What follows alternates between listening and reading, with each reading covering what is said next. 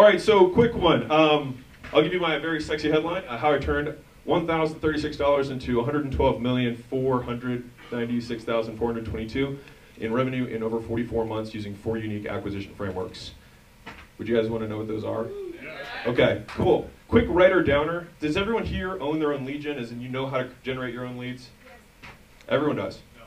Okay, someone doesn't. So I'm going to give you four steps really quickly before I even get into this presentation, because this is, I would say, these are frameworks that you can immediately use, and um, with the presentation that was given just uh, Mr. Burton about how to capture leads and whatnot, you're going to need traffic, right? And so I'm going to show you the things that we've used uh, very, very successfully to get more traffic. Um, but before you do that, this is something that you can do in less than 15 minutes and pretty much solve your lead gen problem. Uh, right now, you can Google, number one, you can put it to somebody in your company, how to run a Facebook lead ad. Probably seven minutes. Number two, how to connect Facebook lead ad to Google Sheets via Zapier. Number three, give away something free and then target the audience that you want. If you don't know how to target the audience that you want, take your existing customer list, Google how to set up a Facebook lookalike audience, and then run it to that audience. That's it. Like, yeah, yeah. Google, number one, how to run a Facebook lead ad. Google number two, how to connect Facebook lead ads to Google Sheets with Zapier, Z-A-P-I-E-R. Number three, you're going to target your either local audience or whatever audience it is that you use. If it's not local, then you'll upload a customer list.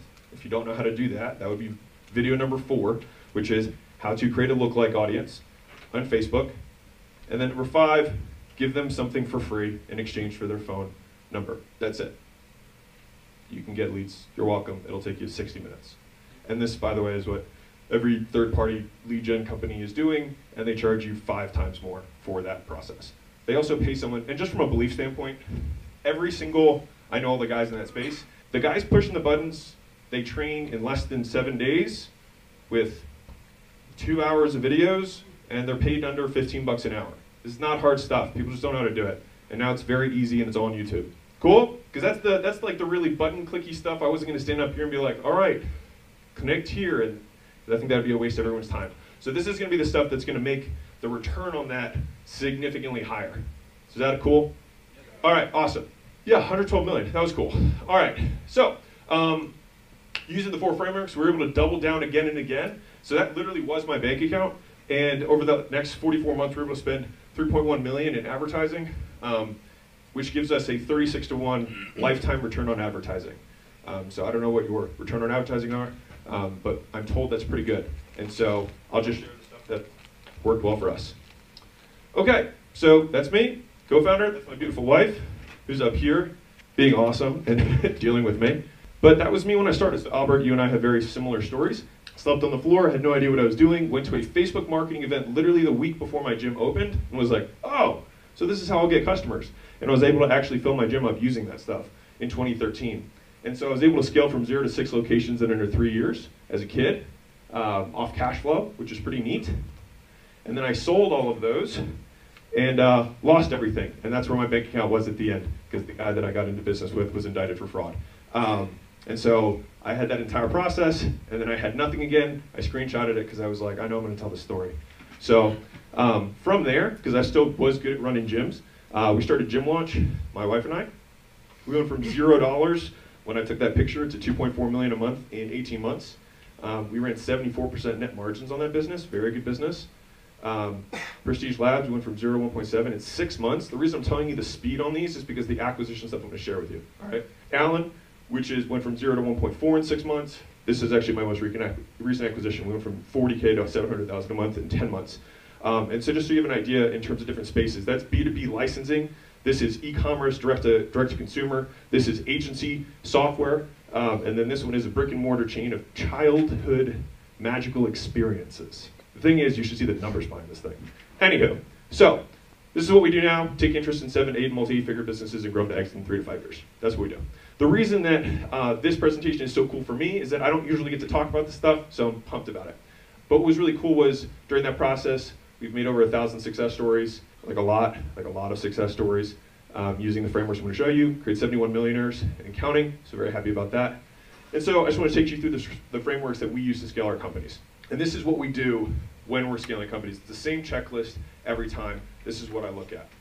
So this should be right for everyone who's either under $100,000 a month. This should help you establish your first reliable acquisition channel. What I said in the very beginning, that's the tactics. Google those five videos, you'll have lead gen. That's that. All right, but I'll show you how to do it and make way more money from it. The second is if you're over $100,000 a month, how to get your next acquisition channel profitable. So you can get your current acquisition to your next acquisition. Brian asked me to give you some really tactical shit they can use. Uh, so the four frameworks, uh, my goal is not to break beliefs or tell stories or motivate anyone. I'm going to say the stuff that's like working right now. So uh, mentor mine once told me business is a game of golden BBs and not silver bullets. So today my goal is to give you as many golden BBs as possible. Very candidly, there's going to be a lot of things. You're going to think about this like a checklist. All right, you're going to have a hole here. There's a pocket of money here, pocket of money here. And I just want you to scoop up as many of the ones that make sense to you. Some of them you already have. Some of you maybe not. But you'll have, by the end of the presentation, I guarantee you'll have a lot of ways to make more. So quick groundwork. This is the first thing we do. So only two ways to grow a business. That is it. I start from the top and then we'll break it down from there. All right. Number one is you get more customers. Seems obvious, right? This is where everyone looks. Number two, make customers worth more. There's no other way. That's it. Get more, make them worth more. And sometimes simplicity is the ultimate in elegance. I think Coco Chanel said that, or Aristotle. Either way, it's still cool. But since everyone here probably is trying to grow your business, that's all we're going to be talking about. So, four frameworks. One, get more customers. Two, make more money. Framework number one, the math, which is going to be how to acquire customers at a profit. Who here has a marketing budget? You have a marketing budget? I will show you how to get rid of that. Shouldn't have one. Because if you can spend to acquire customers at a profit, as in they are net cash flow positive, it means I make money before I even have my credit card due, which means it eliminates A, acquisition as a bottleneck in your business, and B, if you don't have capital, like you saw in my bank account at the beginning of this thing, you can compete against anyone still if you have the skill. Like this is real. Like you can still crush it right now against people who have way more money because they don't know the game, right? The, the game that's happening under everyone's nose. So that's the math, all right? We call that customer client finance acquisition. Number two is the offer. So how to get complete strangers to raise their hands and make offers so good they'd feel stupid saying no. All right, so I'll show you how, like kind of how I said that little ad. That's, I'm going to break down what we do there. Number three is the traffic. So once you have those two things in place, you know what math you need to hit, you know what you're going to give them, then we got to go find traffic. All right, so I'll give you the six traffic sources that exist right now that everyone has access to. And my hope is that you'll probably find two or three traffic sources that are in front of you. I've got a special page for Brad in there, so you can look out for that. Your team can look out for that. Sorry, I'm going to give you guys homework. And then the fourth one is the money right? So the whole point here is to make money, and I'll show you exactly how we maximize back back end LTV, which informs the front end, which is why ultimately it's much more of a circle than it is steps. Does that make sense? We have the math, we make our offer, go to the traffic, we make money, which means we update our math, and around and around we go. All right, that's the game plan. Cool? Yeah. All right, rock and roll. So if you like kid childhood pictures, this is what I like to draw. So you see a lot of doodles in this presentation. This is the simple way of seeing it. So you got math, traffic, offer, bait, and then you got the money that you're reeling it in. Okay? Quite literally. So we're going to start with the math. There we go. Client finance acquisition. How to acquire customers at a profit. This is the entire process mapped out. Don't worry, you'll I'll break down each of these steps, but this is what it is. All right? So this is I'm going to show you how to make money with no money. Which means if you have money, you'll be able to do far better than this. This is how you do it if you have zero dollars in your bank account right now. So if you have less money than your competition or feel like you need to spend or you're spending too much to acquire customers, this is for you. This is how you do it. So quick definitions real quick. Cost to acquire a customer, because sometimes I say these quickly and I forget who I'm talking to. So cost to acquire a customer, I say CAC, all right? All costs um, required to acquire a new customer, advertising, payroll, media buyer, creative team software, all that stuff is cost to acquire a customer. Number two, cost of goods sold, direct cost of fulfillment. Gross profits, the amount of money that is left over after the direct cost of fulfilling. So if you had one more customer, how much extra would you have to pay to fulfill that? Everything after that is the juice, right? Gross profit. Payback period, the time period it takes the business to receive the gross profit necessary that it costs them to acquire the customer back, right? You put a dollar in, you get a customer, you know, tomorrow, and then it takes you two months for, before you get that cash back in your wallet to spend again.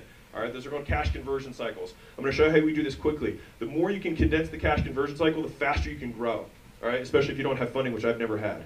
All right, and then 30-day cash is something that, I, it's not that I invented it, it's just something that we track, which is the amount of gross profit that I can extract from a new customer in the first 30 days. The reason I track this so vehemently is that, like many business owners here, everyone has access to one thing, which is a credit card. And so I basically know that if I, I have 30 days against the clock, that I can spend whatever I want, and as long as I have it back plus some in 30 days, I never have to use my own money to grow. So I have all the financing I need and I can grow for free. And essentially get my customers to pay for the growth of my business. Okay, so this is worry. This is the only math equation in the entire thing. This equation is what has created everything in my life. Your 30-day cash, so this is the plain English of this. I have to generate more cash in the first 30 days of running an advertisement than it costs me to acquire two customers and the cost to fulfill both of them. Cost of acquiring a customer and the cost of fulfilling them times two. If I can make more than that in the first 30 days off of one customer, I can grow unlimited. That's how we went from zero to two million, zero to two million, zero to whatever in six months, eight months, 10 months, because it really becomes operational drag, not about the acquisition. So, um, and it's net positive cash flow. So that entire process while you're growing, we're taking cash out every single month while we're growing. It's cool to, cool to experience. Um, and so this allows all of us smaller players who are not VC backed to outspend everyone. Okay, so this is a quick walkthrough. I'm drilling this one in because it's really important to understand how this concept works. So you borrow $100 from a credit card to acquire two customers at $50 each. This is a hypothetical. Two of those customers each spend $300 with you, so you make 600 bucks. Now you're up, but you still have to fill the customer. So it costs you $50 each, $100 total. At the end, you have $400 plus, you have two new customers, and you can continue to sell those. And you have $400 in your bank account. What this looks like visually, do do, this is how you generate buckets of cash. Yes. All right, this is what it looks like visually. I'm a big visual guy. So, zero debt, zero money, zero customers, day zero. All right, from there, we take our little debt, there we go, $100, and we spend 100 bucks in ads. We do exactly what I said in the beginning. You're gonna get your, you're gonna run your little ads, and you're gonna get your opt-ins. Er, there we go. So they're gonna run the ads in front of eyeballs. Eyeballs are gonna get clicks, which Burton's gonna track for us, right? We're gonna get opt-ins. We're gonna schedule them. We're gonna, they're gonna show, and then we're gonna get sales. And there's two of those people. So it's visually what I just said. I'm just depicting it for you. All right. And now we have to fulfill, the, fulfill those people. So 600 goes to 500. 500 goes to 400. 400 goes to my bank account. And after the dust settles, this is what happens. Good suspense though, right? When the dust settles, I am debt free. I have $400 in cash. And I have two customers that I can now sell whatever the fuck I want for free. That's the game. You can add zeros, subtract zeros, but this is what we're doing. All right? So you have to understand the math before we get into the stuff. This is when I double down. So then you double it down again, you do the whole process, boom, 800, 400 goes to fulfillment. It's literally just going black on Vegas in Vegas again. And then that was our first round. And our second round, we doubled the amount of customers. The third round, we quadrupled the amount of customers, and around and around we go. If you can execute client finance acquisition until your operations break, this will therefore eliminate the need for capital as a constraint on your growth. I think this is a big deal. This is like cool. I just want to make sure I'm like tracking them. Okay, cool. So that's number one, the math. How to acquire customers as a profit. Client finance acquisition, and there's my little arrow and my check mark. It's been a long time making sure the check marks work. Okay, the offer. How to make offers so good people feel stupid saying no. That's the little wormy guy right here. Got to get the fishies to bite. Grand Slam offers. How to make offers so good people feel stupid saying no. So the problem. So right now, the first one I said is um, right now, if you spend too much money to acquire customers, or you have a, a marketing budget, or any of those types of things, that's your problem. If you don't have that problem, this might be your problem. If your ads aren't converting well, all right, clicks versus opt-ins, like you're like, I feel like we're spending, but we're not getting shit, right? Um, or your sales team has trouble scaling, like it's hard to ramp up new guys, um, they're having trouble closing, all that kind of stuff. Obviously, the sales part you've already got covered, but a lot of times it's the offer. So I just actually had a consulting day yesterday. We rewrote the entire offer, um, and I'll give you a couple cool examples that I've done with the companies that I've worked with. So to catch fish, you need bait or an offer. The starting point of any conversation to initiate a transaction with a customer, what you are literally providing to them in exchange for their money. Usually with marketing campaigns, it's gonna be the number one driver of success. What does it do? If you do this properly, it'll allow you to sell in a vacuum so you don't have price shopping or any of that stuff. All right, it creates a category of one and forces customers to make a values-based decision instead of a price-based decision. Leila and I sell days of our time for a hundred grand, and like that doesn't make any sense because there's plenty of marketing firms who do a full day for free or a $1,000. But because it's incomparable, they'll do that. All right, people will pay it. So the goal is to decommoditize the offer.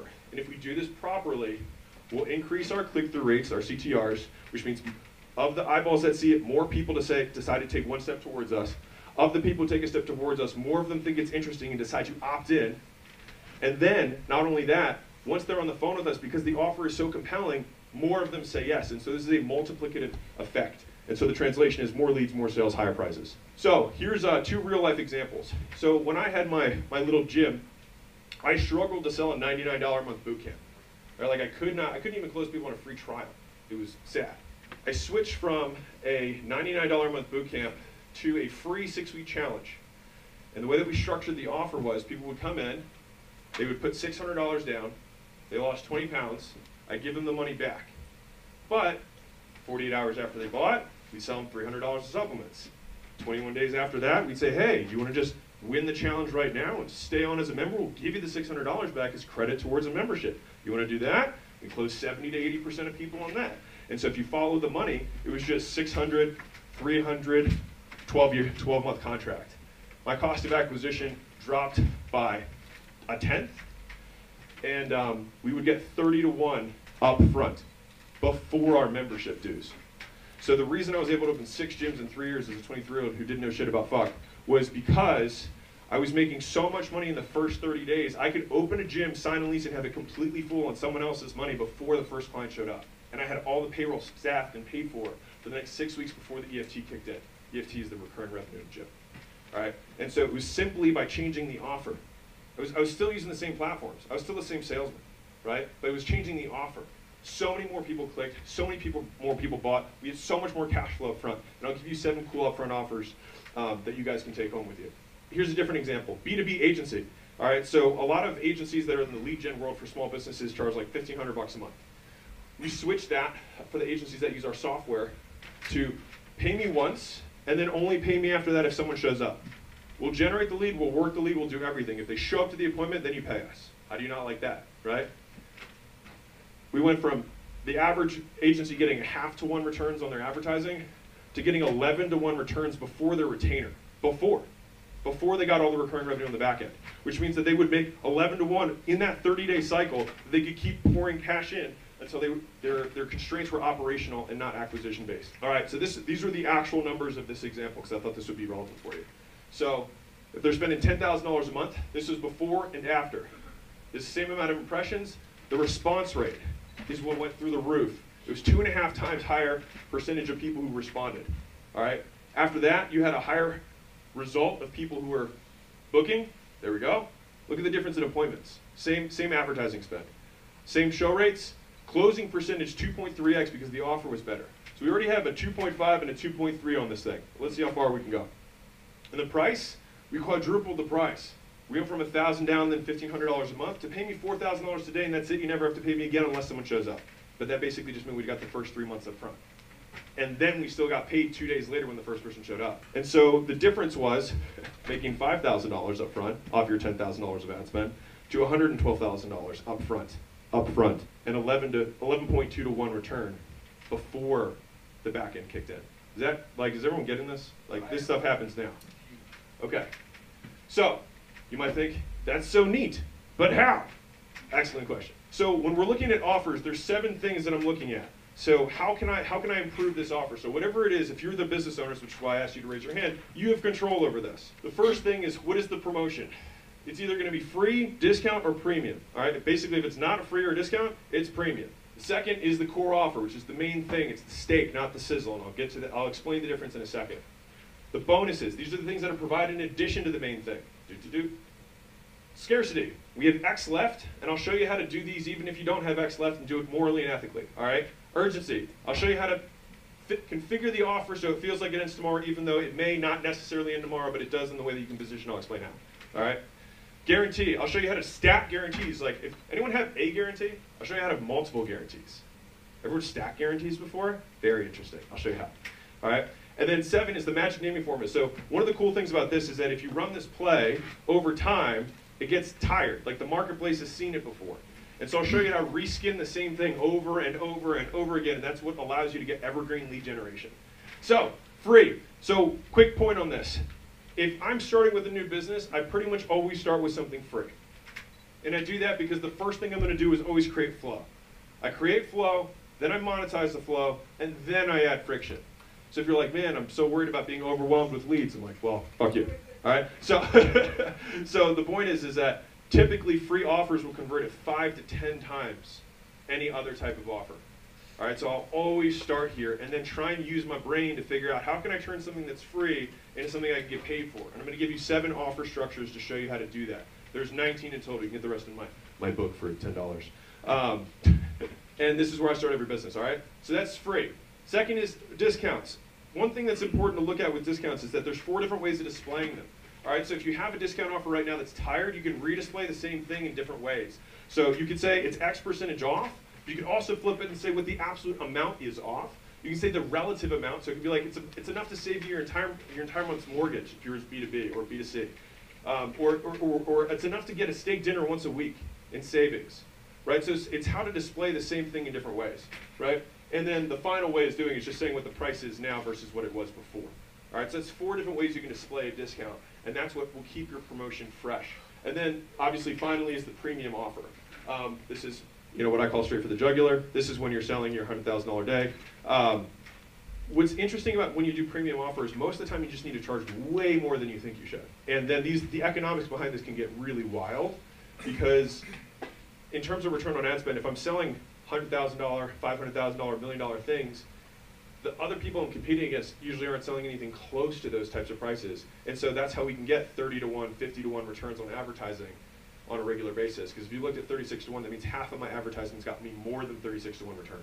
Wild, right? And so it's because we, we use premium offers, but we layer them after. So bring them in free, and then we'll upsell them through premium stuff. So that's number one. Number two is the main thing, all right? The steak. Most of the times when someone is, is, is, is, working on an offer of some type, they've got some sort of service, it's really boring and it's not very uh, attractive, right? And so there are four variables to value that we've broken down after looking at this at a lot of times and looking at a lot of offers. The first is the dream outcome, all right? So everything on the top side of this equation is stuff that people value. They want more of this. This is great. We try and increase this. The bottom side of the equation is stuff that detracts from the experience that makes them less likely to want to buy. All right, so the time, delay, effort, and sacrifice. Right. As I've studied, as a, as a quick aside, as I've studied bigger, more successful businesses, I noticed that in my beginner days, I focused a lot more here on promising more, trying to paint this beautiful vision of the future. When I look at Netflix and Amazon and, and these guys who are trying to make seamless experiences so that thoughts can become, you know, drones delivering packages at our door, is they're trying to eliminate as much effort, sacrifice, and time as possible for their customers, and that is how they're increasing value. And so as we've shifted our businesses, we focus a lot more on this now than we did here, um, but just something to consider. All right, I'll give you an example of each one. If I'm trying to get Brad to, to give me money, I'm probably going to say, hey, Brad, let me show you how to do this marketing stuff for Lightspeed, rather than, hey, I'm going to get you a six-pack. Why? Because for him, he values that more. And so whatever the thing is that you're selling, the audience now, for a woman, it might be different, right? But for the avatar, painting the dream outcome will increase the value, right? Making sure that that once, that, like, it's, it's to compare two different offers, right? B2B versus B2C. Once, if you're comparing two things in the exact same market that are saving, that are satisfying the same need, I'll just use weight loss as an example because everyone understands that one, then, then you kind of move on to the next step in the equation. The next is perceived likelihood of achievement. So if I have somebody who's a plastic surgeon and they say they can do a tummy tuck, and this guy's done, this is his first surgery he's ever done, you got another guy who's done 10,000 surgeries, are you willing to pay more for the guy who's done 10,000 surgeries? Same surgery. It'll actually probably take the guy to 10,000 even less time too. Because we value the perceived likelihood of achieving our goal, right? Certainty and decreasing risk is something that we value.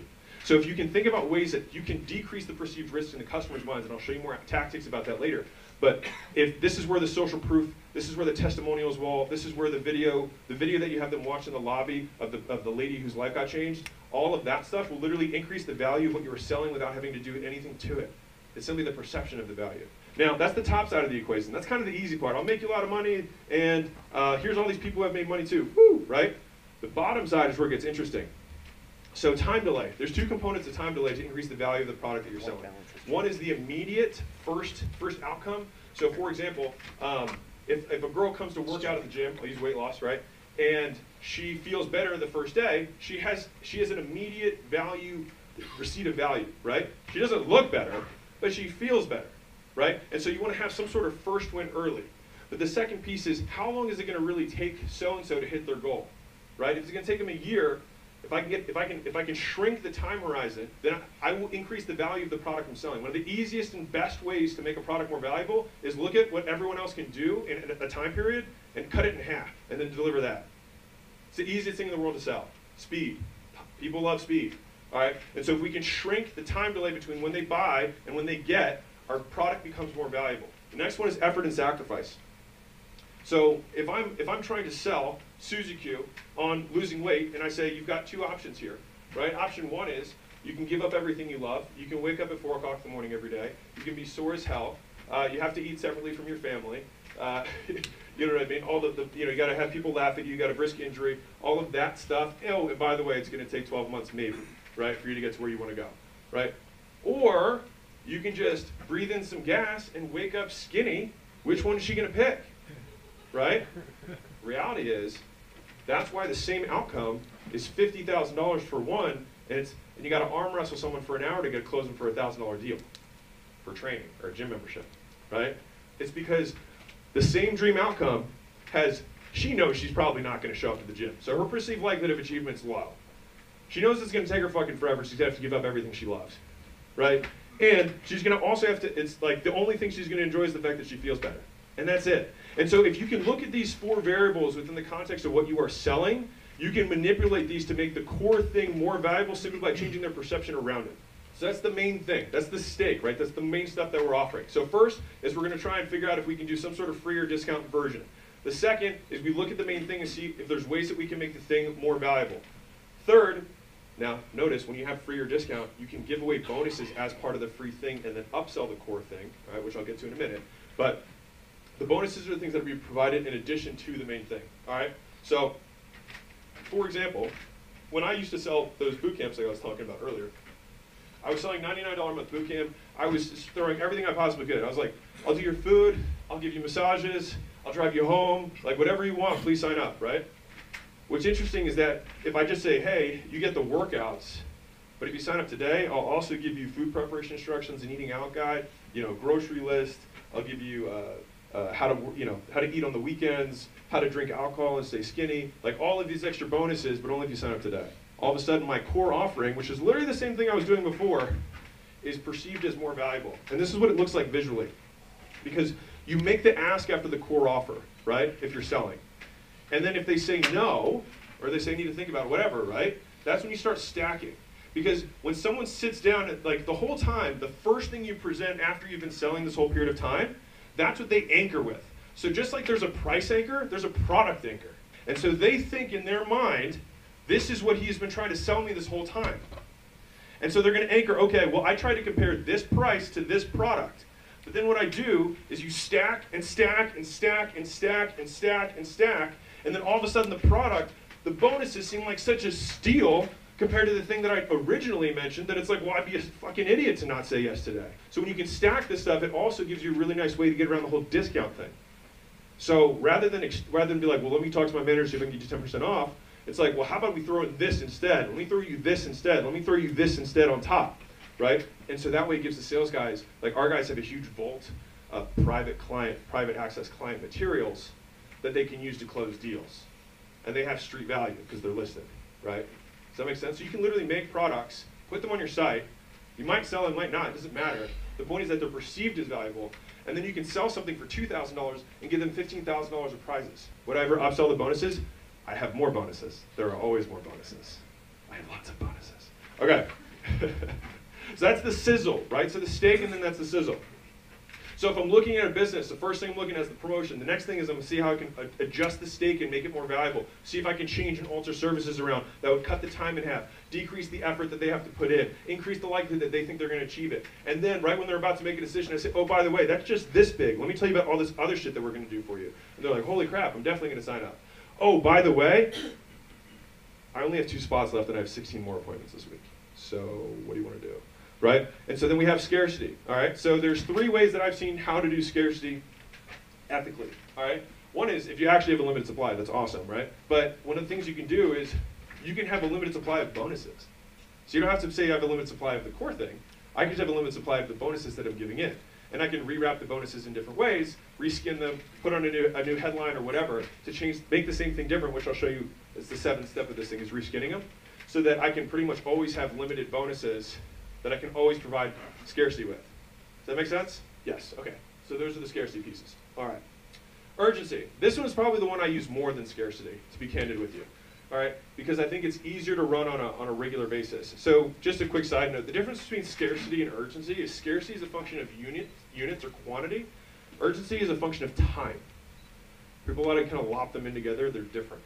All right, so the first one, and this is probably the one that I use the most, all right, is cohort-based urgency. So it's saying, hey, we've got a new group of clients starting on Monday. You're not going to wanna miss out. We've got a bunch of awesome killers in that group, right? It's it's Thursday, right? And they're like, oh well, I don't want to miss that group. like, yeah, you should do it. The guys are awesome. Just get started. It just gives you this little nudge. Now, when she signs up, if she says no and comes back on Monday, I'm like, you should see the next group. It's good that you missed this group because the next one's even better, and it starts on Monday right? And so you always have this rolling cohort that can happen, which you're probably already doing, you're just not selling it. The next kind of urgency is, uh, is name-based urgency. So this is where you can reskin the same offer and say, hey, um, this, this promotion, like you should end your promotions every month and just reskin them and then start it so that you just have this false urgency. It's not false, it's real urgency, but it's saying the New Year thing ends in, our Brad's New Year special for Closure School ends January 31st. Well, guess what? We've got closers for lovers opening in February, which then closes February 28th. And so it's the same program, it's just the promotion is different.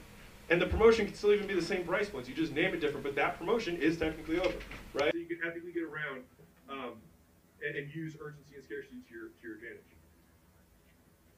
The promotion, the pricing, and the bonuses themselves, each of those can be exploding, which leads me to the exploding piece, which is the next one.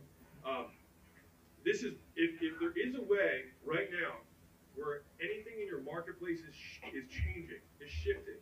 Um, this this sounds like crazy. If you can get like if you're if, for example, if I was saying, you know what, it's not about newsfeed ads anymore, it's all about inbox leads, right? Because DMs on social media, you're getting direct to the decision makers, and the software that we have does it for eight dollars and thirty three cents a day and delivers 13 to 15 fresh leads in your inbox as anybody who responds back right? But the thing is, a lot of people are going to get in on this soon, so you're going to want to sign up now so that you can get a disproportionate amount of the gains, right? So this exploding opportunity, this arbitrage. So if you can think of ways that you have your own product and make it into an exploding opportunity, it'll, it'll create more urgency to take action. Uh, number six, this is really cool.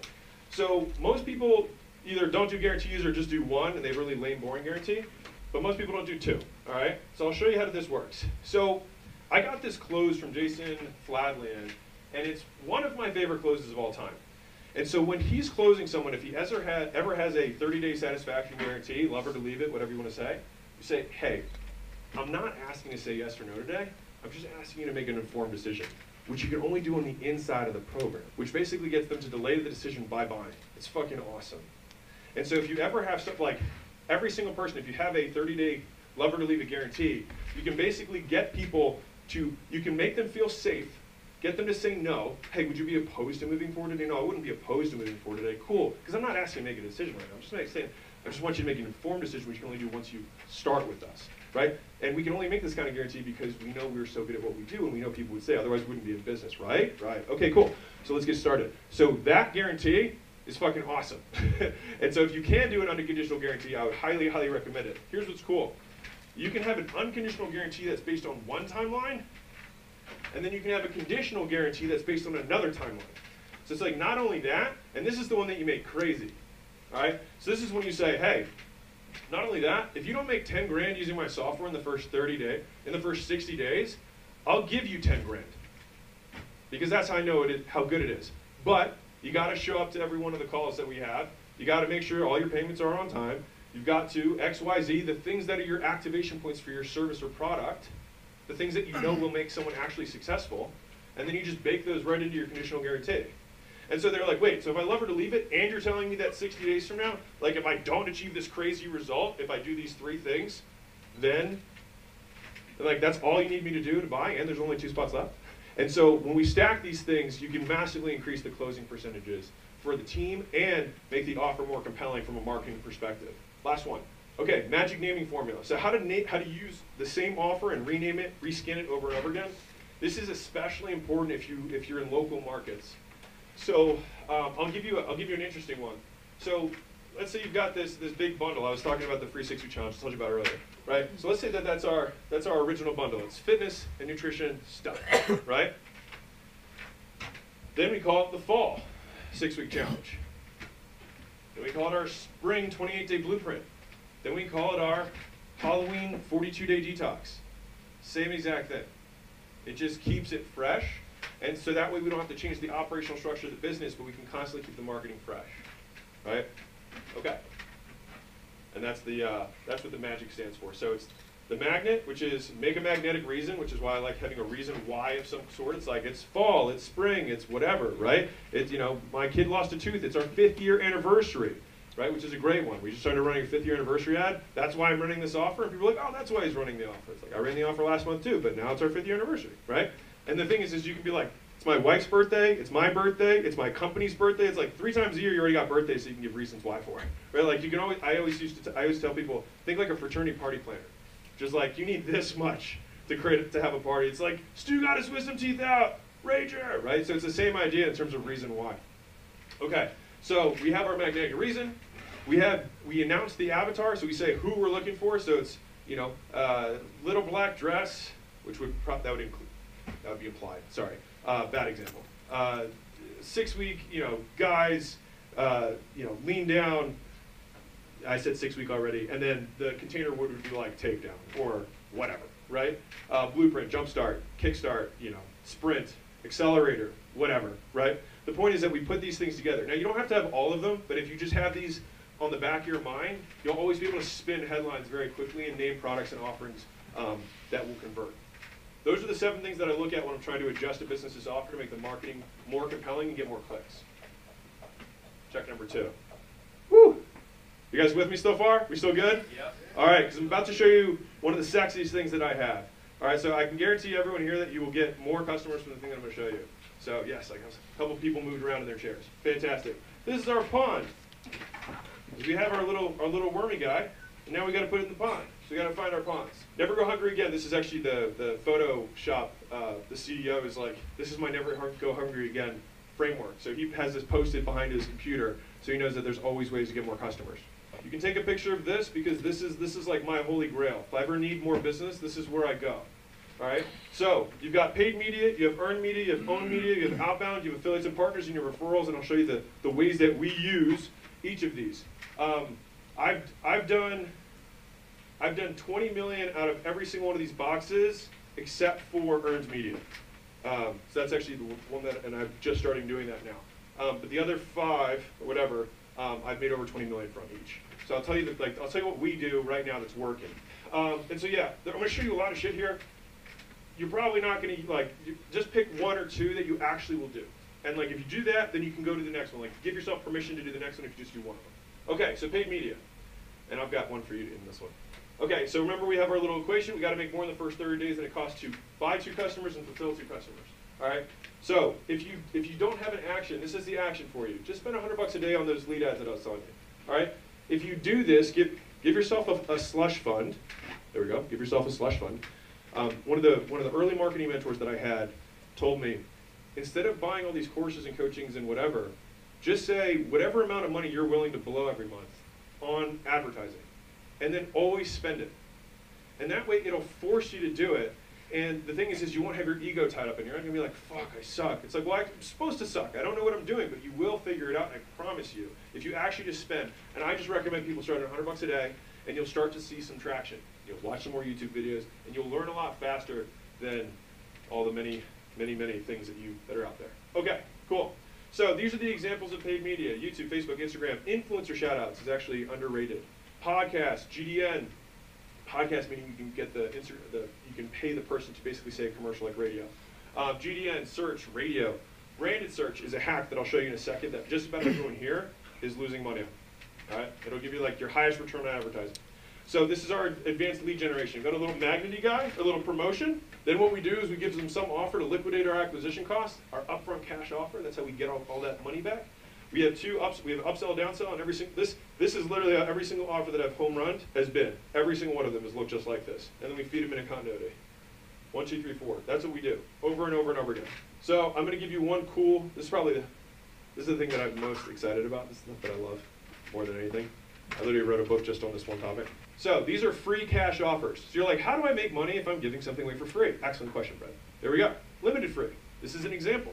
Limited free is someone comes in for XY service that you should always know more about your service than they do and give, I don't want to say an incomplete solution, but give a solution that's not going to, I'll give you a simple example. If someone were getting a car wash, it would be like the, the lowest bare minimum, the car's not even going to look that much better. It will look better, but not that much better, right? Or if someone is coming in to work out at the gym, or rather, if someone's coming in to lose weight, right? I'll say, you can have access to our group and we'll give you home workouts while they're at the gym. And they're like, but like, or you can do our super sexy, guaranteed results, double guaranteed, has all these bonuses, and it's only this for you right now, and it starts on Monday. You should definitely get into it. We'll guarantee you lose 10 pounds in the first 30 days. If you don't, we'll keep working you for another 30 days. Fair enough? Right? And so that is someone, someone comes in for something free, we give them an inferior offer, and then we upsell them the primary offer. All right? That's what we call limited free. By the way, you also don't even have to mention the inferior offer because half the time they don't remember, more than half the time. Second one, free with deposit. That was the thing that I mentioned earlier. If you ever have any kind of service that it requires effort on behalf of the customer to get a result, anything, that's a lot of services, right? You can market something for free and have them, like if you did therapy, if you did life coaching, you did anything that is some sort of like the client has to do something, you have them pay for the program, and then if they get the outcome, or if they do the habits, they can get the program free or, or rebated or credited back to them right, towards future services. Does that make sense? It's pretty cool. This one fucking kills. This one is awesome. I'm telling you, this one is awesome. This was made more money than any offer on this board. Because what it does is it aligns the customer with their result. When they don't have, they, they use the money as accountability. So your client success scores go through the roof. And it's like, well, Marjorie, if you lose 22 pounds in your first six weeks working with me, are you going to keep, you're going to want to come to me for the next 40? She's like, well, absolutely. You're like, well, that's, that's why we do the promotions. I'm not worried about giving you six weeks free if I get six years from it, right? But if you follow the money, from what I said earlier, she got six weeks free because we took the money and we credited it against her future rate, which you probably put up a little bit, and then discounted it off the money that you got. Does that make sense? Go. Threes. Okay, giveaways. Giveaways are awesome. The way you do giveaways properly, have a first place prize and a second place prize. The first place prize is your core offer. It's your biggest, sexiest, most expensive package. You do that because then everyone knows the price. And you market and you say you're going to give that one away for free. And the second place prize is an acceptable discount and absolute value. So for example, if I was giving away, God, what services? I don't know, a year of window washing, whatever, right? And it's the Ulster Platinum Window Washing Experience, whatever. Underneath of that, let's say that that was a, a $4,000 deal. Underneath of that, I would say second place prize gets $600 of window washes, right? You run the promotion. You wait four days. You give them the countdown of when the, when the person's gonna, gonna get called. Then you announce the winner. Pick one person. Everyone else, congratulations, you won second prize, right? You can put in the, in the thing, more than one winner may apply. You're completely compliant, right? And by doing that, you give every single person a $600 off your $4,000 package. Neat? Hmm. This works really well. You want to get leads. This works. Okay. Free with prepay. Um, this was also one of my favorites. So if anybody here has uh, uh, recurring services or bundled services, if you're trying to get upfront cash, which is this guy, then you can sell, like, buy three, get free, and you can double the price for the thing. So you're still selling six months up front, basically, but it's buy three, get free, or buy six, get six, whatever. Um, and that can go with products or it can go with time. It doesn't really matter. But when you do this, though, you get so much cash flow up front, you can, you can pretty much outmarket all your competition. It's very cool. And churn on prepaid people is one-fifth of month-to-month people, FYI. Splinter free. So if you have a type of service or work that has to be done in that's the same thing that has to be done multiple times. So an example would be a chiropractor um, or a massage therapist, somebody who has this, who does the same service over and over again. One of the best things to do is just do a splinter-free offer, which means you pull one of them off, right? Ideally, you want to pull one of them off, and like tanning is a really good example. I'll use that one. Um, like if I said I'm going to give you a five-day free VIP tanning experience, person comes in, they're super excited. We say, hey, how tan do you want to get? I'm going to show you this book of tan. And be like, the chocolate one. Are like, okay, well, you look like vanilla. So it's going to take us a lot more than five days to get there.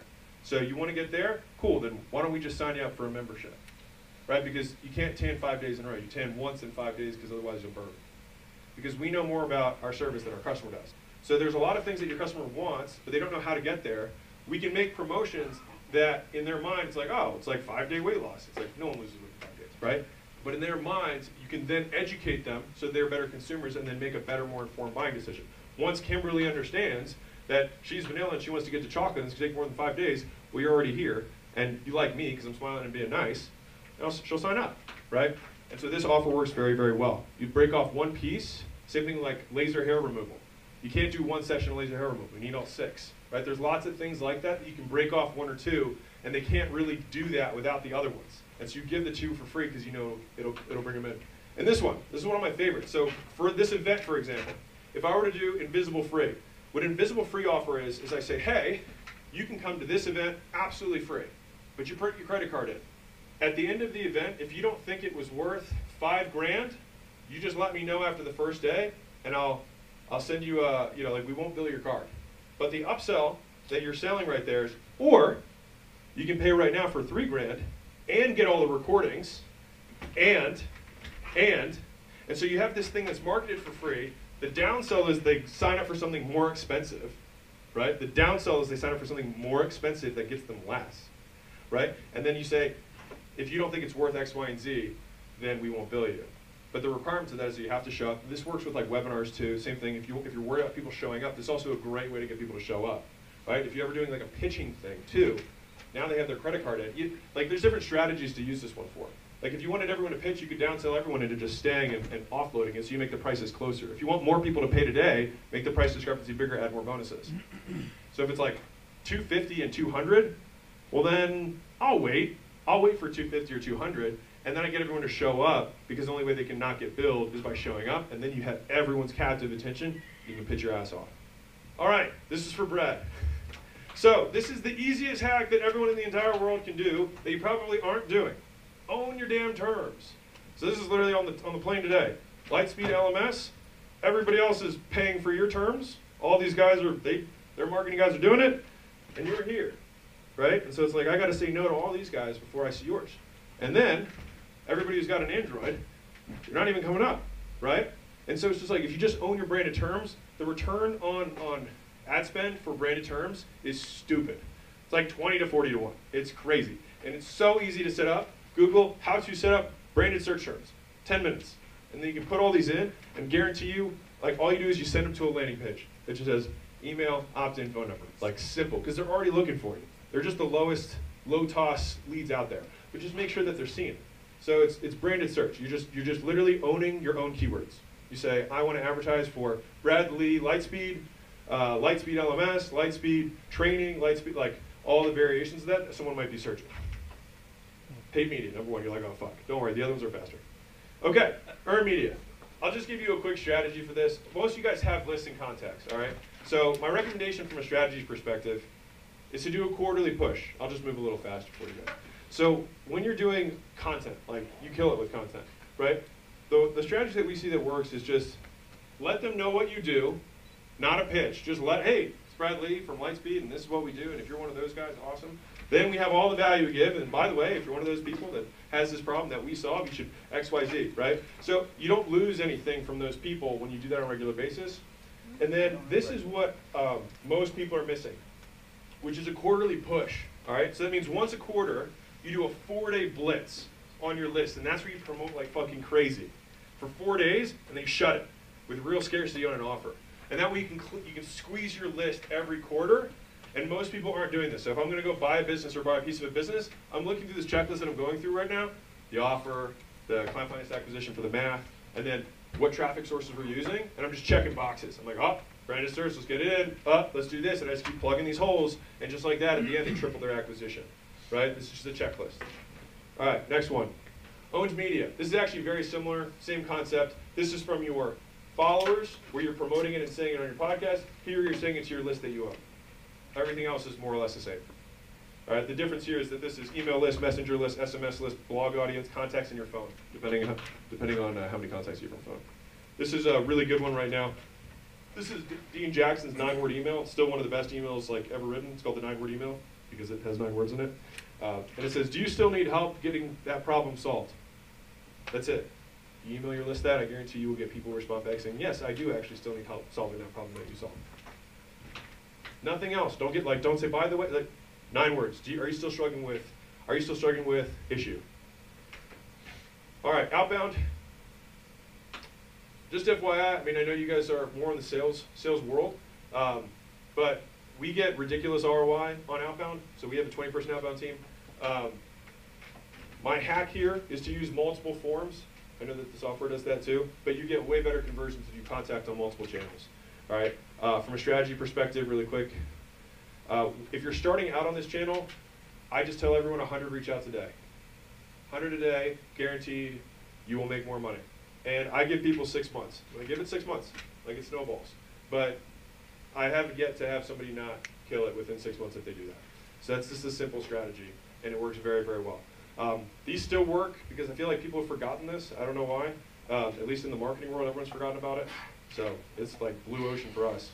First thing to do is to call your own leads, right? Seems obvious, but sometimes people have so many leads. I talk to a lot of marketers who've never talked to their leads, just FYI. Uh, so first thing to do would be to call your own leads. Um, next, uh, I spent $50,000 in like coaching and programs and stuff to like learn outbound. Didn't use any of it. I think the best thing is to just start because every there's enough nuances to every niche. It's worth just like you'll figure it out, and that's what we ended up doing anyways on our own. Um, and then yeah, give it six months, and then we put 10 to 20 percent of our I said marketing budget, even though I said didn't say, but what we currently spend on advertising, we put 10 to 20 percent of that towards outbound, not expecting an ROI for the first two months. And it took like a quarter, basically. It took like a quarter to ROI, but now it's about 20 to 1 for us in terms of return, which is really good. Okay. All right. Affiliates and partners. All right. So if I'd said the ones that I've made the most money from, one, two, lots and lots from these. So one of the things that our goal here for this is to get is to be a full integration. So a lot of people do like, hey, talk at my thing, or do a webinar with me, or do a podcast with me, and that stuff's great. But I mean, it's like you'll see a little blip. But I want full integration. And so what I try to figure out is who has problems that I can solve. So for example, if I were going after personal trainers, I would go after a software that caters to personal trainers. I would find out that the biggest problem that those people have is that the trainers need their first five clients for the software, for them to stick. Because people don't use CRMs if they don't have Cs, customers, right? Can't use a CRM if you don't have customers. And so I could say, hey, Mr. Software Guy, you've got 14,000 personal trainers, and I want to sell stuff to personal trainers. I know how to get them clients. Why don't you send them to me and I'll solve your biggest problem of activation? And so the idea is I want to get into their onboarding process.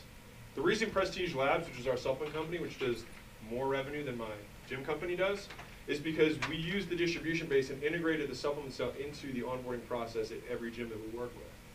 And so when someone, when Kimberly comes in, she buys services, but 48 hours later, we're doing a nutrition consultation, we're selling them supplements. And so that all of the marketing spend that all my partners are spending, it flows through me. And they're happy to do it because they get paid handsomely, and I'm happy to do it because I don't have to pay for acquisition. Now, there's two ways that you can use this strategy that I like. One of them is what I just said, where you integrate where they're doing the promoting and selling your stuff. The other way is where you're doing the promoting and selling their stuff, where you actually become the affiliate. And if you're making, if you're if you're not sending too much money away, a lot of times it's a lot less work to just be an affiliate. You can get 40%, 50% of top line revenue that you're sending over someone for none of the work. Most businesses don't run with 50% margins. So if you can get 50% of top line and do none of the fulfillment and you're already paying for the traffic anyways, why not?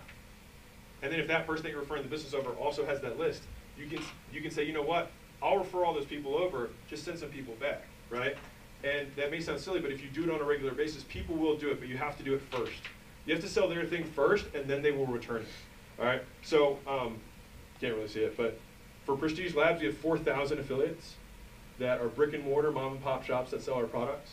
Allen is a software that we use. We have uh, 200 or 400, no, 400 agencies that white label our product and then sell it on our behalf, and they make tons of money doing it. we just make a little piece on all of it, right? And so it's how can I find ways to make other people money, and then integrate. So these are the quick strategies, and then we'll get to the the six ways to make more money on customers. Um, okay, so this is a different example that I'll share with you. So uh, I was working with a company recently that hired me for consulting stuff, and they, they catered to uh, physical therapists. And so they were like, how can we do this partner integration? And I was like, well, what do what do all PTs sell to every client? That who uses physical therapists as a distribution mechanism to get to customers? B2B to C. They're like, well, orthotics, braces, like recovery bands, all that stuff. It's like, right, reach out to those companies and say, hey, give me 10 of your guys. I'll teach them how to sell your product in exchange for you just sending more of your guys for me to teach them how to sell your product. I'll also sell them my product, but I'm selling more of your shit for you. People will feed you like tons if you can solve this problem for them. So like if, if you can, because most of you guys here know how to sell. So a lot of people don't know, their clients, they have people who don't sell their products. You can take their customers, teach them how to sell their own product better, and then they will feed people to you because you're solving their problem. We kill it with this. And primary action for anyone here who's an action taker, you can do 100 reach outs a day, or just identify the 10 biggest partners and then spend real money to get them. Like real money. You know what I mean? Send them a TV, send them a watch, send them something they can't ignore, show up at their office. And just be like, can I please, I just, I've got bags of money I want to throw at you, please. Please let me just give that money to you because it's just burning a hole in my wallet. Right? And usually people would take that, that meeting.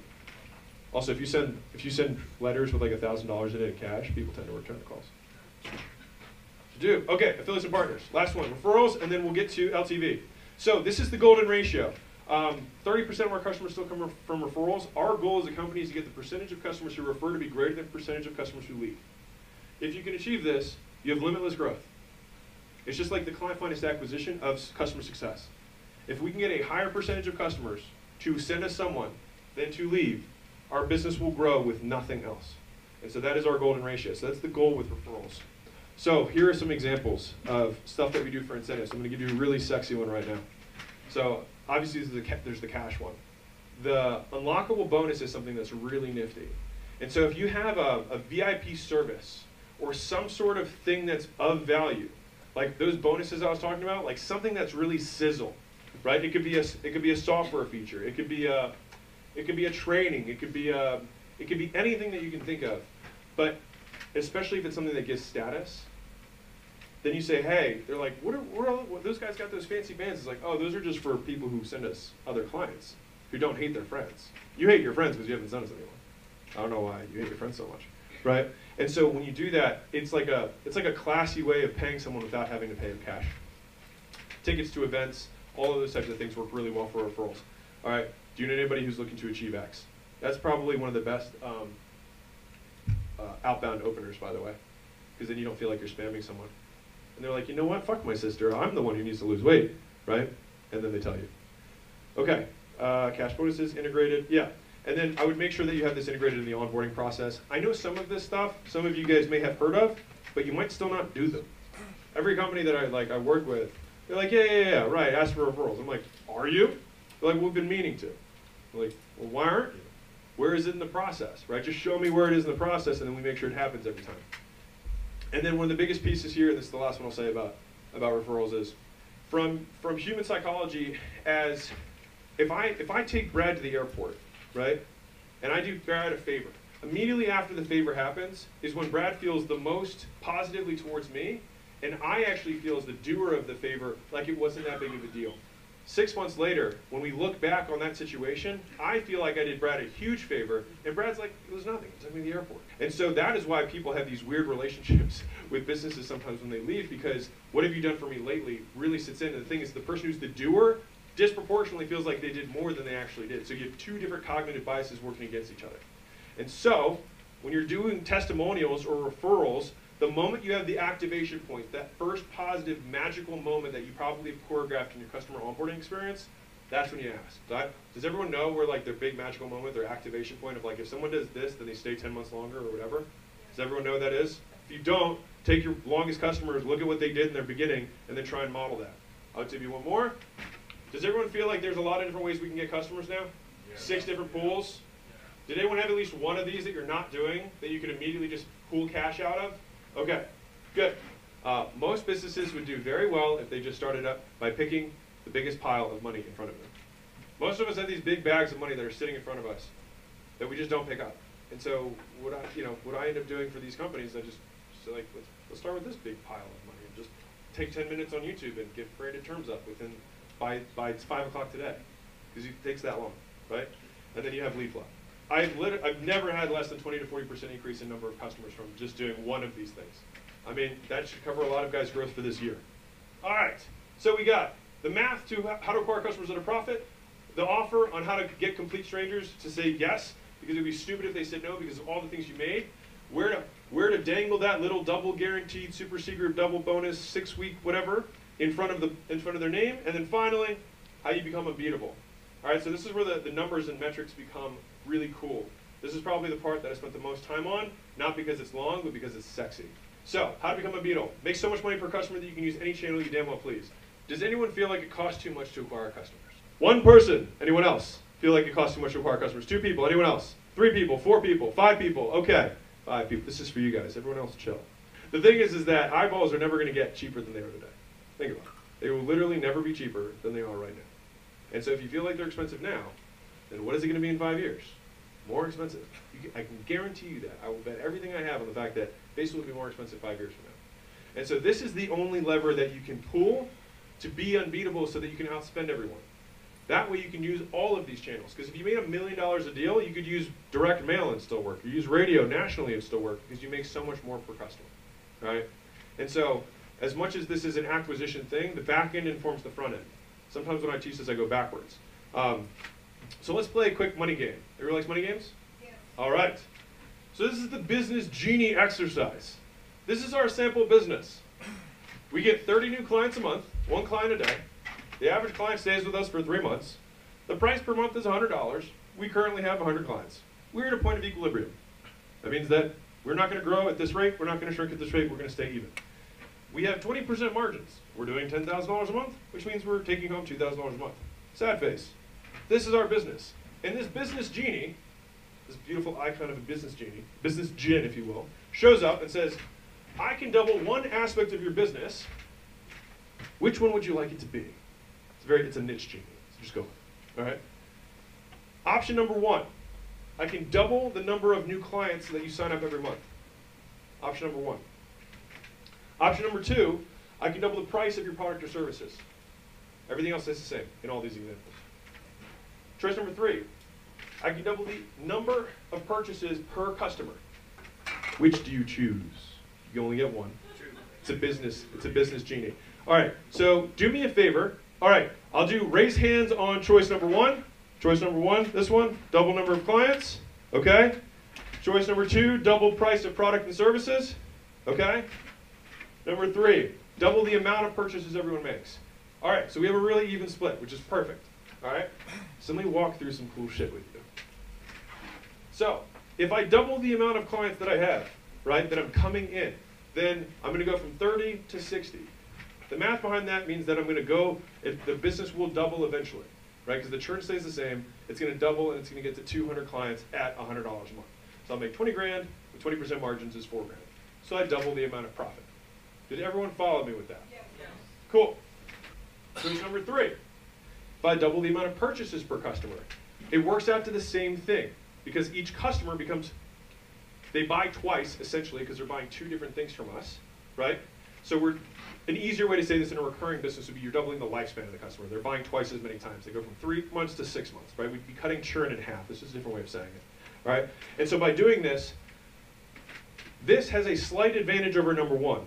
Does anyone know what it is? You don't have mics. I'll tell you what it is. The advantage of this one is that your, your LTV per customer is twice as high. So now I can spend more on the acquisition, right?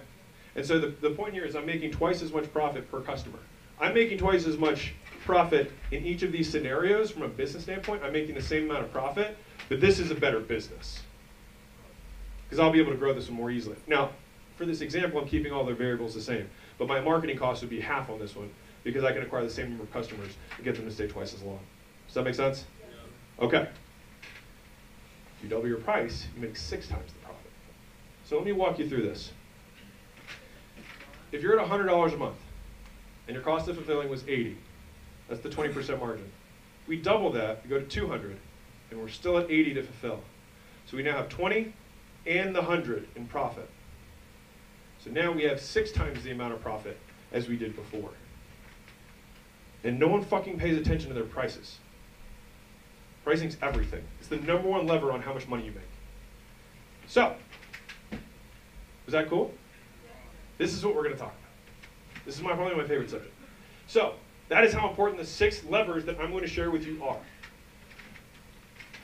So when I said make them worth more, it's an increase in lifetime gross profit. Now, people have heard, everyone here the term lifetime value? It's defined a million different ways. If you, if you Google it, you'll see six different definitions of it. So I will define this for you. Lifetime gross profit. The purple is the juice.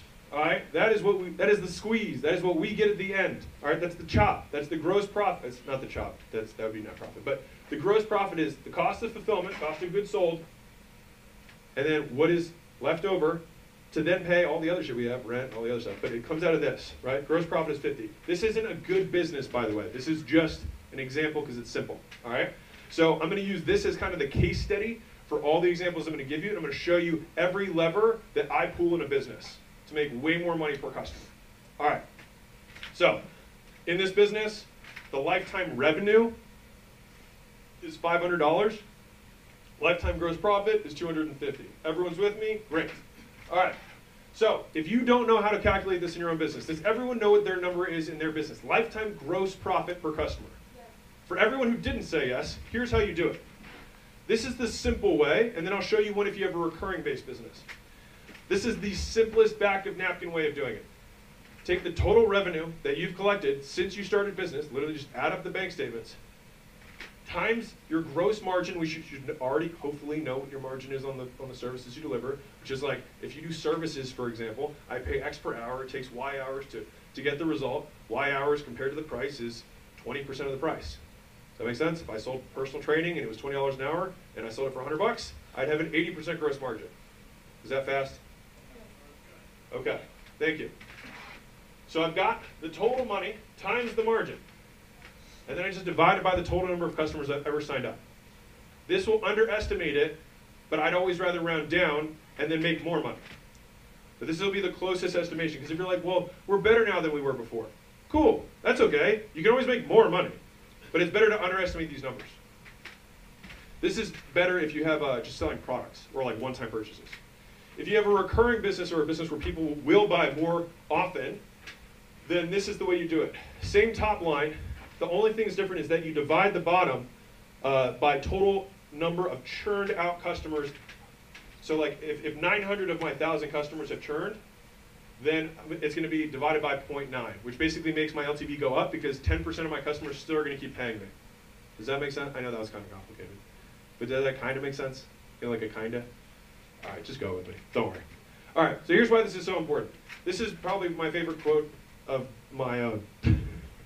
the business owner that can make his clients more valuable to his business than his competition wins.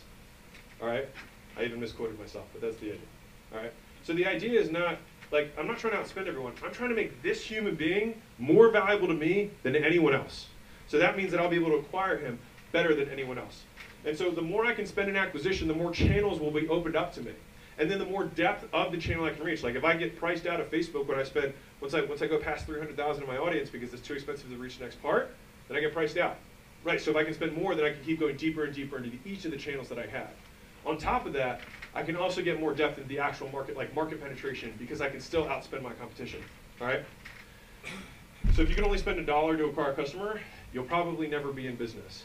And so, but no one looks at this and they're like, my marketing doesn't work. It's probably because your business doesn't work right? And that's the issue. Okay, like even Facebook, which is free, makes $40 a year on everyone. Crazy, right? Haven't thought about like $2.50 a month goes to Facebook for when you log in for selling your eyeballs. So this is what it looks like in real time. So this is, let's say this is a gym owner, even though he's got a tie and a business thing on. Let's just say it's a gym owner. So there's got, you know, he's got Old Spice marketing to him. He's got, he's got equipment manufacturers. That's their LTV, or LTGP, excuse me. Uh, then you've got apparel, and then you've got software, and then you've got Gym Launch, me, marketing against, right? Well, I can outspend all these guys. So this is what happens. I own all of his eyes. His eyes are mine. Because I can outspend all of them. I'll just, I'll artificially raise the prices so that they can't bid on his eyes. So it's a ethical, I don't know, ethical, it's a legal way to create a monopoly. If I can make so much more money than the rest of my competitors, then I can own every eyeball that's in my audience. Because I'll set the CPM so high no one else can bid. I'll bid against myself to get them high. Does that make sense? That's like position to fuck you. That's what the back end does. Okay. And that's why I refer to lifetime gross profit as the arms race of business. Like if you have this, you have the biggest stick. So here's the six ways that I increase lifetime gross profit. Number one, you can increase the price, which we did in our little genie example. That's just one of them. The second one is you can reduce the actual cost of fulfillment, and I'll show you some of the ways that we look at. Number three is you can increase the number of purchases that a customer does. Number four is you can upsell them, which has two different types of upsells. One is making something better, the other is selling more of the same thing. So one is quality, one is quantity. Downsells is the opposite of that. So it's poor quality, lower quantity, or fewer, fewer. And then six is cross sells. So it's what's the adjacent need they're going to have, all right? A lot of people just kind of lop cross sells and upsells together, and I don't like to. I, like, I think there's more nuance to them. And if you can think, if you can think in nuance, you'll act in nuance, and you'll be able to think more creatively about the business. So increasing price. This one's a quick one. Look at the difference in lifetime revenue and gross profit. If I increase the price by 50%, I doubled my profit. I have this conversation with gym owners all the time. On average, we increase their recurring revenue by $38 a month. The average gym makes 12.5% net margins. The average gym is at $129 a month. So if I add $38 and they're making 12 and a half, I just 3.1x their profit. They're like, what do I care about 38 bucks? I'm like, I'm going to triple your fucking profit. That's why. That's why this is important. So number one, if there's a way to increase the perceived value, that's what we do the bait, the bait, the offer, all that stuff, um, is so that we can raise the price so we can make more money. Number one, I told this one to be quicker. They're just more visuals, but they're fast. Fast and easy. That's what my wife called me. Here we go. So number one is if you have people in your company that are doing like basic administrative or even semi-skilled work, you can outsource it for four dollars an hour to Philippines, and they do a great job. Just FYI. So you can probably cut down your cost of fulfillment for a lot of the services that you sell or products that you sell and by doing that, you still increase the margin, which increases your lifetime gross profit, which allows you to make more and spend more aggressively. All right. Another one that we do um, is tools and software. So like Subtitle, for example, I've got this video guy that I pay, that I pay, that I used to pay to do all this stuff, but now we can do other stuff, right? Which is like automatically get the the things captioned, get that nice like meme cover and like the progress bar. It does it all of that, all of that with a click of a button. And so it's like, well, great. Well, then now you have all this other time to do high value stuff rather than do this this kind of stuff. Design pickle, things like that. So there's software that can that can take a lot of the high value labor and just automate it. Technology. So if you have tech, so like our our, our agency software, for example, makes chat responses. You know, it, it increases the chat efficiency of a person by about 100x. All right, and so by doing that, we make the cost of fulfilling lead nurturing a hundredth of what it would normally be. And so I can sell it at a reasonable rate, but it costs me pennies compared to what it costs my competitors. And so when you have this type of advantage, then I can make ridiculous profits because I'm pricing at market, but it costs me nothing. And so I have so much more room compared to everyone else.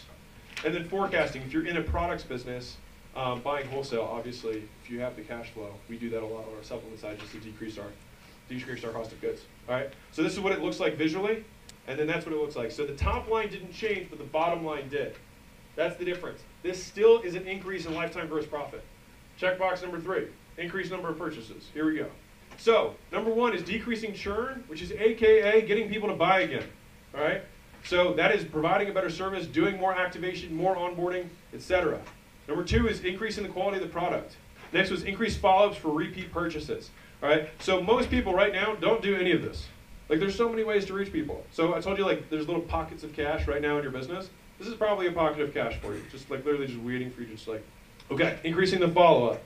And then finally, uh, increase client outcome to increase volume uh, for rev share. That was for you, right? And so if I can if I can increase the number of purchases effectively, if I have a rev share thing, then how can I increase the outcomes? How can I teach them skills that will make them more money, right? So that they will in turn pay me more money. All right, and this is what that looks like. So if I'm increasing number of purchases, I'm not increasing my margin on, on a relative basis, but on an absolute basis, I now have twice as much as I did before. Is everyone thinking, like, I, the purpose of this is so that you can think about your own services and products and think, oh, that would be an easy thing that I could do right now and just make more money.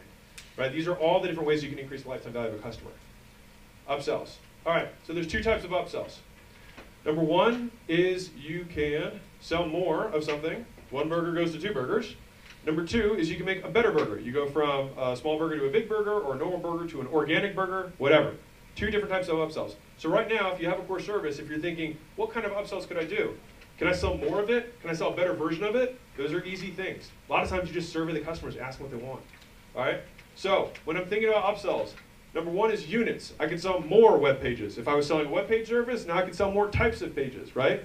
Number two would be like, if I'm selling service, I can sell it by units of time. So I have got units in terms of quantity, and I also have time. So if I'm trying to do upsell for more, I think about both of them. Right, so right now, if you have different things inside of your business, like if you're currently selling support, why don't you sell 12 months of support? Why don't you sell 24 months of support? If you're selling one, one site, why don't we sell a 10-tab website? It's units, right? There's always more units you can sell if you think, if you think through it properly. Next one is, survey says, more. So this is what it looks like visually. Boom. So now you'll notice, again, this is the same duration of time. They're not staying longer necessarily, but we're getting them to buy more of the same thing. That's why the margins are the same. Right? I'm going to show you a different example later where the margins are different. All right? So now this is the second type of upsell, which is better. All right? So you've got, let's say, normal service, and then I could give you expert service. That's quality, right? A different version of quality, just because I like to give examples, um, is the enhanced burger, like I said earlier. Before that, you've got web page design, and then you've got web page design that loads really fast. Speed. Remember what I said the value equation? These are the values. Quality, time, decrease sacrifice, decrease effort and sacrifice, decrease time, right? Those are the things that you're reversing when you're thinking about your upsells, right? Another version of this, if you have a slow burger or a fast burger, right? You can wait 20 minutes for it, you can get it in three. It's more valuable, right? So you can upsell that. Same with service. Do you have chat support or do you have phone call support? That's an upsell, right? So that's access and convenience. And in the burger example, are you, are you eating at home or is it getting delivered? All right, so if I'm thinking about upsells for enhancements that are better, you've got quality, you've got speed, and you've got access and convenience. So right now, does anyone can anyone think of something they should be upselling that's one of these things in your own business? Great, awesome. So, pro tip, is anyone here competing against somebody who gives their stuff away for free? Like what you sell? Sometimes it happens in software. So, if you're ever competing against a free competitor, the only thing that beats free is speed. Fast beats free. If once a year Chipotle gives away a free burrito to anyone who dresses like a burrito, and if I want to get Chipotle on Halloween, I got to wait two hours. If there was a line next to the free line for $10 to buy Chipotle, I would pay the $10 to not get the free burrito and wait. People pay for speed. So fast beats free. A lot of people don't think about the components of time for their offers. Okay. With better, it's the same concept. All right, but you'll notice with this upsell, I can make much more profit, right? And so, interestingly, your upsell can have a lot more profit than your core offer can, right? Which is pretty nifty. I have the numbers over here if you're seeing them in the hypotheticals. And so this is a quick pro tip for you as well. If you are doing upsells, many times you want the upsell price to be five times the core offer price. Here's why. Customers are fractal. They're 80-20. So it's the Pareto principle, right? And so 20% of my customers, one out of five, if I want to double my revenue, I 5x the price so that one out of five buys my five times higher price. And so I double the revenue of my business by adding a single upsell. But I might have way higher margins on my upsell than I have on my original. So I might 2 or 3x or 4x my profit by having that upsell. Downsells. So this is an easy one that fucking no one does. Um, there's two types of downsells. The people that were going to say no that then say yes. And the second is people who were going to leave but then stay. All right? And so think about all these as little golden BBs in the business. Pro tip for this is if your if your sales guys, for example, never sell the, the low cost thing because they get on the phone and they can't like just you have this thing they never sell it. Um, we do a, we do a, we buy you lunch. It's the simplest thing in the world. We say, who's buying lunch today? And so if anyone sells our low-cost product, because everyone, every once in a while you get an unqualified lead, you can't buy the real thing, right? And so whoever sells the, the lowest ticket thing that day, the lower ticket thing, the downsell, lunch is bought in that sales guy's honor. It worked better than commissions. They were just happy to get steak, you know, steak or Grubhub every day, and so they just motivate them every morning to try and get to get lunch covered for them. So a downsell you have a worse version, right? You have one-on-one, you can't really see it here, and then group, right? Version of whatever the thing you have is. the level of support. You might have a full suite solution, and then you could have a done with you or a do it yourself solution. So you have different levels of service that you're gonna you're gonna put with it. Okay? And so let's say in this first example, someone says no, and then says yes. So they say no to the core offer, so we make no money. And now we make an extra, and here's what's really cool. The downsells, oftentimes for us, are actually higher margin. So we sell stuff that has almost 100% margins for our downsells. So even though we make less absolute money, we still usually do a pretty decent profit on it, right? And so, and that's natural because they're going to be buying something that is lesser naturally, right? So you don't want to give something that's like equal or still cost you time and money on a downsell. All right, so the second one is uh, instead of getting them to leave, we get them to stay. And so we say, hey, I know you were at this level support. We'll let you stay for this now. We're going to remove one thing that you don't care about. And so you probably have more than one service or feature that you offer. Remove one and then give it to them at the lesser price. That way you can ethically say that you're not charging different rates for different people. Does that make sense? Which of these things, Catherine, do you hate that you never use? This one? Great. Knock it off. Now you can get it at this price. Because it might, especially like software, you'll get a lot better. You'll, you'll extend the LTV of the customer. Last one, cross sells. Everyone talks about these. I'll show you a couple cool things with these that we do. Okay, what are all aspects of the customer journey immediately before and after purchasing from me? What is their next natural need? So this is the question. So if you're looking at your customer journey, what is the thing that they normally do immediately before they start doing business with you? And what is the thing that they do immediately after they start doing business with you? After they purchase. There's usually a next natural thing. There's lots of pairings that happen with, with sales, right? There's like you you made them make the decision to do or invest in something right? Usually there's other stuff that comes as a result of that decision. We did the hard work of spending money to acquire the customer, getting on the phone, doing 16 follow-up calls to get them to close. Then get the rest of the fucking money around them, right? And so there's two ways to do this. Number one is you can refer the business out and receive commissions. We do this all the time. We've made millions in commissions just for sending business that we say, hey, this is our preferred partner, this is who we recommend. And just like I told you earlier, if I'm sending these guys business, they'll send business back, right? And I'll get paid on it. So I'm sending business, getting paid, and getting customers as, as a goodwill. Does that make sense? Yes. Okay. Um, number two is that if, if it's like a lot of money that you're referring away, so for example, with the gyms, we taught them how to sell supplements. I, saw, I did the math in my head and I was like, they're selling a lot of supplements. So let's build that. So we decided to build that, right? The entire business end to end. That's what um, Alberto's doing with the mortgages, he's doing the bank now because he's referring that business out. And at a certain point, you look at the math and you're like, fuck, we should be owning that. Right? We're sitting these guys. These guys are making more money on our customers than we are. If that's ever the answer, these guys are making more money than my customers than I am, then that makes sense to do business. Most times they're not. So I might as well just take 30%, 20%, 40% commission and not have to deal with the headache. But still get all these little revenue streams. Right? I'm an affiliate for like 20 different things that we just get paid for every single month because we would tell them to do it anyways.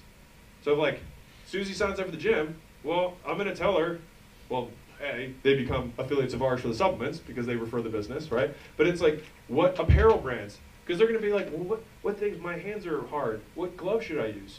Here's, here's my book of all of my affiliate links. I'll buy them with you together. And just like that, we made another $200 on the customer that took no effort, right? So there are these next natural things that your customers are buying. Know what they are, and then just provide them for them ahead of time and get paid for it. So cross sells. The simple answer, simple, simple example. Burger, do you want Coke with that? Right? It's different. It's not another burger or a better burger or a faster burger. It's a Coke, right? If I'm selling fitness, I sell fitness. Do you want supplements with that? Yes, right? Next version. If I'm selling website design, I say, hey, now that we have your website, do you want to get advertising with that? Hey, do you want premium support with that? Right? These are all next natural needs they're going to have. Do you want ads and premium support and fast cloud service hosting, whatever the you know tech stuff, whatever, more of that stuff, right? All of these are cross sells that we'll use. And so if you can list out the customer needs and think about before and after, it's the easiest way to think about it, then you'll be able to capture all of this gold in front of you. All right? And so this is where a lot of the juice is squeezed. You go from, you know, you had 500 revenue, 250 in uh, gross profit to you know 520 just by this example, right? Because you have a, a ton of extra margin in these. I think I have an example right here. So I don't know if you guys know this, I stole this from Digital Marketer. You can actually build an entire business off cross-sells. So if your core product doesn't have enough juice in it, you can actually mark it down below the competitors, give it away for free or at a loss, called a loss leader, and then upsell the Coke and the fries because you know that's where all the profit is, right? You make the better burger, you sell it at cost or below cost. And then, so you said, you, this is the example, you spent $1.91 to get a person to drive through, earn 18 cents in gross profit, right, on the burger, but then you make, on the $2 burger sale, but you make $1.14 on fries and Coke, right? You're making six times the profit on the upsell. So if you know these things about your business and you know that there's a, an adjacent thing that's way higher margin and easier for you that you're usually just referring it away, well, A, make sure you're capturing it, and B, if you're not, then bring it in-house. So that was the six. I'll do, I'll do this real, real quick for you so you can see it, and how you make your customers more valuable and be able to use any acquisition channel you damn well please. So that is, that is the six of, of the arms race of lifetime value. There we go, checkbox, worm guy, math, traffic, offer, money. Those are the four frameworks that we use to go from $1,000 to 112 million in sales in 44 months. You guys good with a quick wrap up? Yeah. Okay, fantastic. So I know we covered a lot. We talked about the only ways to grow a business. There's only two. Get more customers, make them worth more, right? We talked the four frameworks. We got the math, how to acquire customers at a profit, the offer, how to get complete strangers to raise their hands and uh, give you money. Uh, number three, how to never run out of customers because there's unlimited different pools that you can go through. And then the money, how to become unbeatable on the back end. This is the MASS framework that I showed you guys earlier. Hopefully this should now make sense to you in terms of how you can actually make a profit with zero dollars up front on acquiring customers.